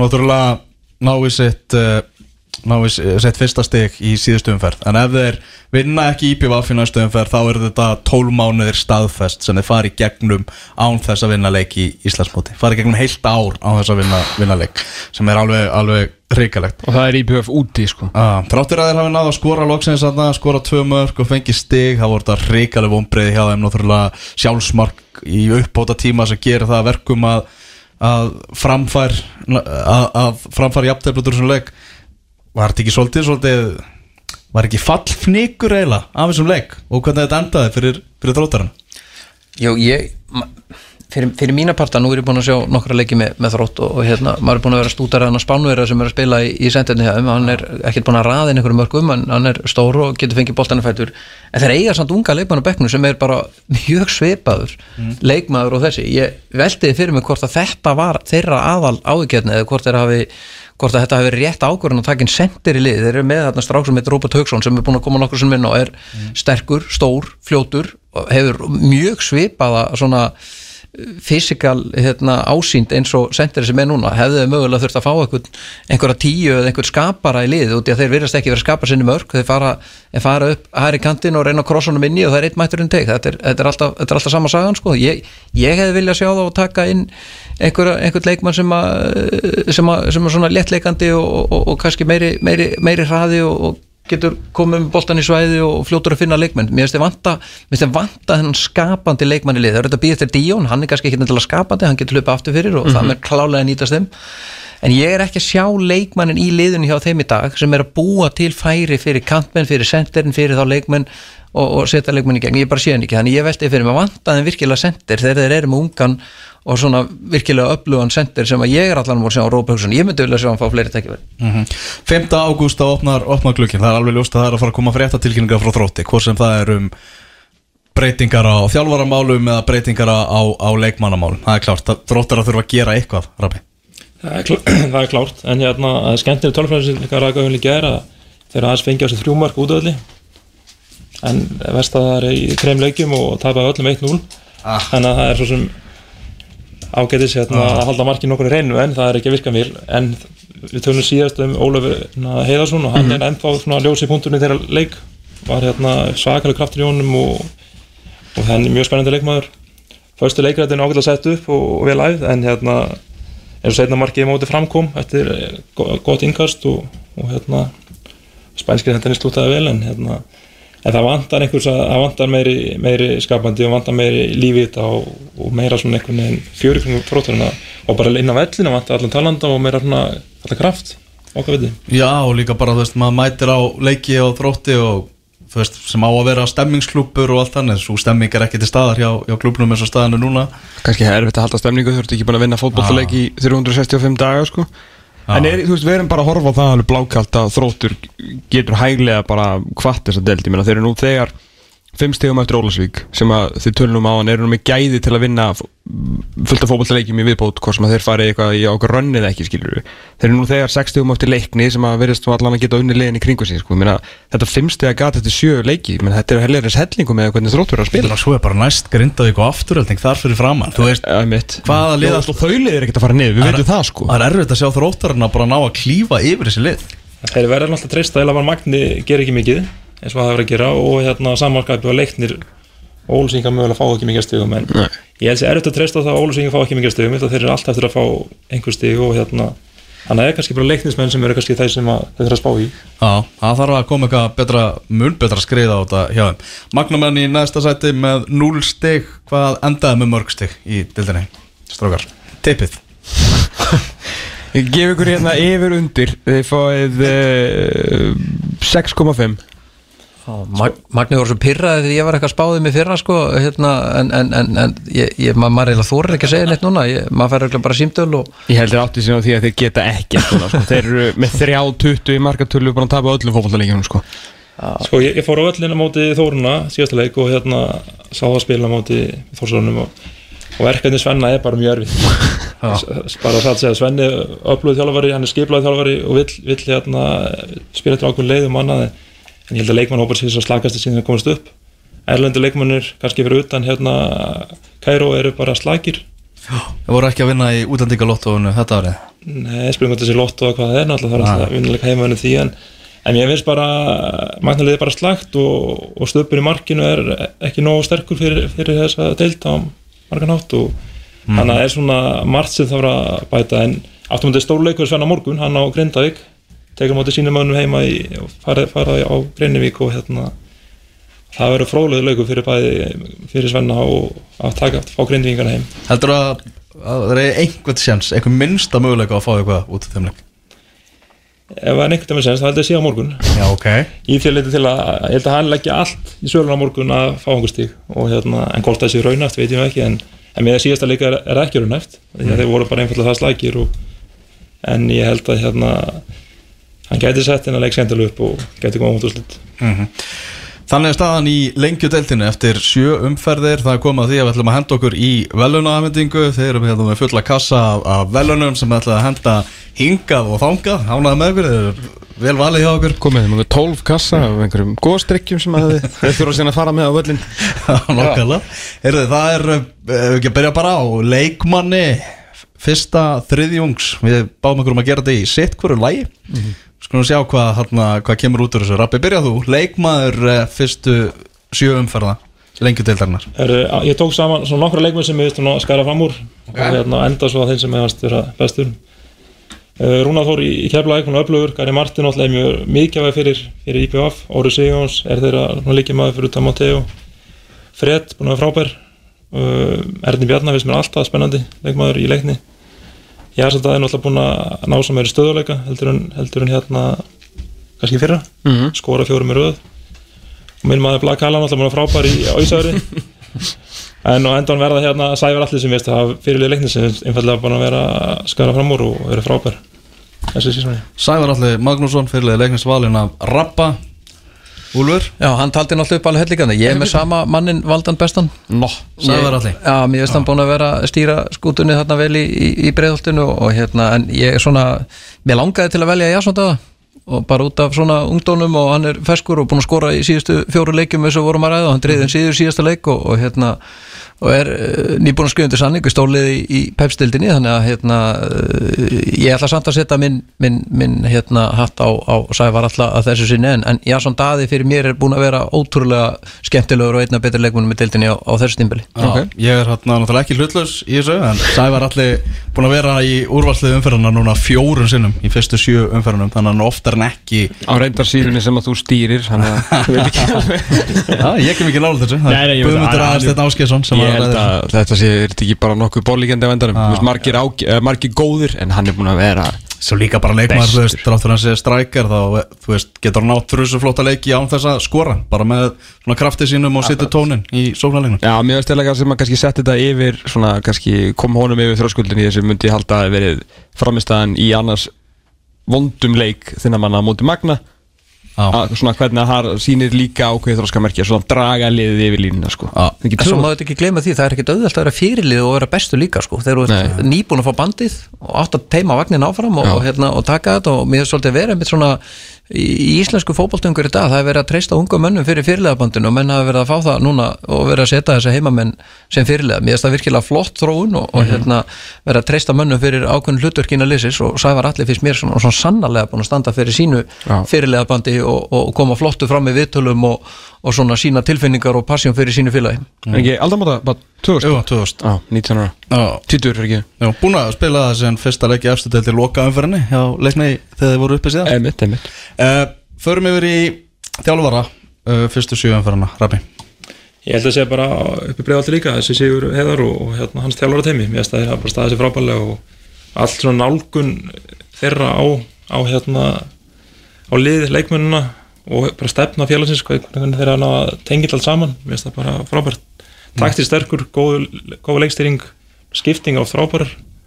Hvernig hann breytir liðinu í leikjum og, og eitthvað neður svona þannig að mér finnst hann bara að standa úr. Úlfur? Sko, fyrir, fyrir þennan þátt, það var náttúrulega umferð núna bara uh, fyrir 20 síðan. Mm. og hérna, þá ætlaði, þá ætlaði ég að velja þjálfarinn í keflæk en fyrst að leiknir er góðan á topin þá verði ég að velja Sigur Heiðar af því að mér finnst ég líka búin að vera að gera feikilega gott móti keflæk, mér finnst ég vera með léttleikandi lið og mm -hmm. Eisteinn og Sigur ekki er búin að gera ótrúlega skemmtilega hluti. Þannig að en, en, en þeir náðu jættefla móti leikni og þeir unnið þann leik þá hefði ég valið þá svona fyrir, fyrir, fyrir þetta og, og, sama hvað leiknir hefði gert. En, en þar sem að leikni fór á toppin með sínu sigri og, og hérna eru, eru sterkir og, og hérna þá ætla ég að gefa Sigurði heiðar mitt atkvæði núna líka þessinni en mér finnst Eisteinn og, og Sigur ekki alls ekki vera langt undan með, með þann hóp sem þeir eru að vinna með og, og svona þeirra hugmyndafræði og þeirra fótballtur sem keflaði hefur verið að spila með, með menni meðslu manna. Þannig að mér finnst þeir vera að gera ansi gott mót líka. Svipaða fótbolt að margan hátt Hver er svona rétt á eftir hérna Sigga hjá þér? Þetta er ekki bara sammála úlu með það. Keflingarna hafa verið frábærir og, Já, og er líka svona, að það er gaman að horfa á líka. Já, það er það sko. Ég var svona að leita eftir, eftir Bjarni Jó. Já, 11 stig eftir sögum fyrir. Það má gefa Bjarnar Jó tilkall. Það fær sjátt Herðu, hann að lokum þá er það mestu vonbreiðin Úlfur, þú var að byrja þar í vonbreiðafloknum Geðvikt Það er að vera fyrstur með leiðindi. Já, þú veist, það er náttúrulega kannski tvölið sem, að- sem að standa upp úr fyrst mér þar. Það er, það er hérna svona fyrirfram varstu bara með það nokkuð potið að Magni er í vandræðum þannig að þeir eru endilega ekki, eru bara ein, alls ekki vondri við, þeir eru bara þeir sem þeir eru og, og hérna er að reyna að gera sitt besta úr því sem þeir hafa.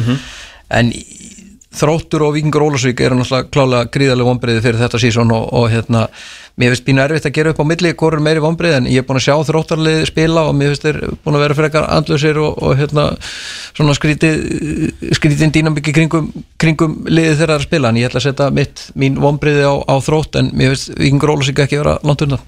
Rabbi, Ég bæti við, ég var með þrjúlið, þrótt í Ólsvík og Grindavík og bæti Grindingu við, Grindingu með alla þessu umgjörð og vilja potti við rófar en hérna en ég held að endanum sé það raunlega að þróttarnir sem að eru við ætlum, við spáum þróttarnir og ofarhaldi spáum sæði til um á leikmennum og fyrirlum, mm. eða fyrirlum og þjálfurnum þannig að hérna framist að þróttar sé bara alls ekki nokkuð virkilega skemmtileg þessi lengju deildrað Markus Vilburgsson og uh, Úlfur Blandón takk kærlega fyrir komuna og við munum hittast aftur, von bráðar.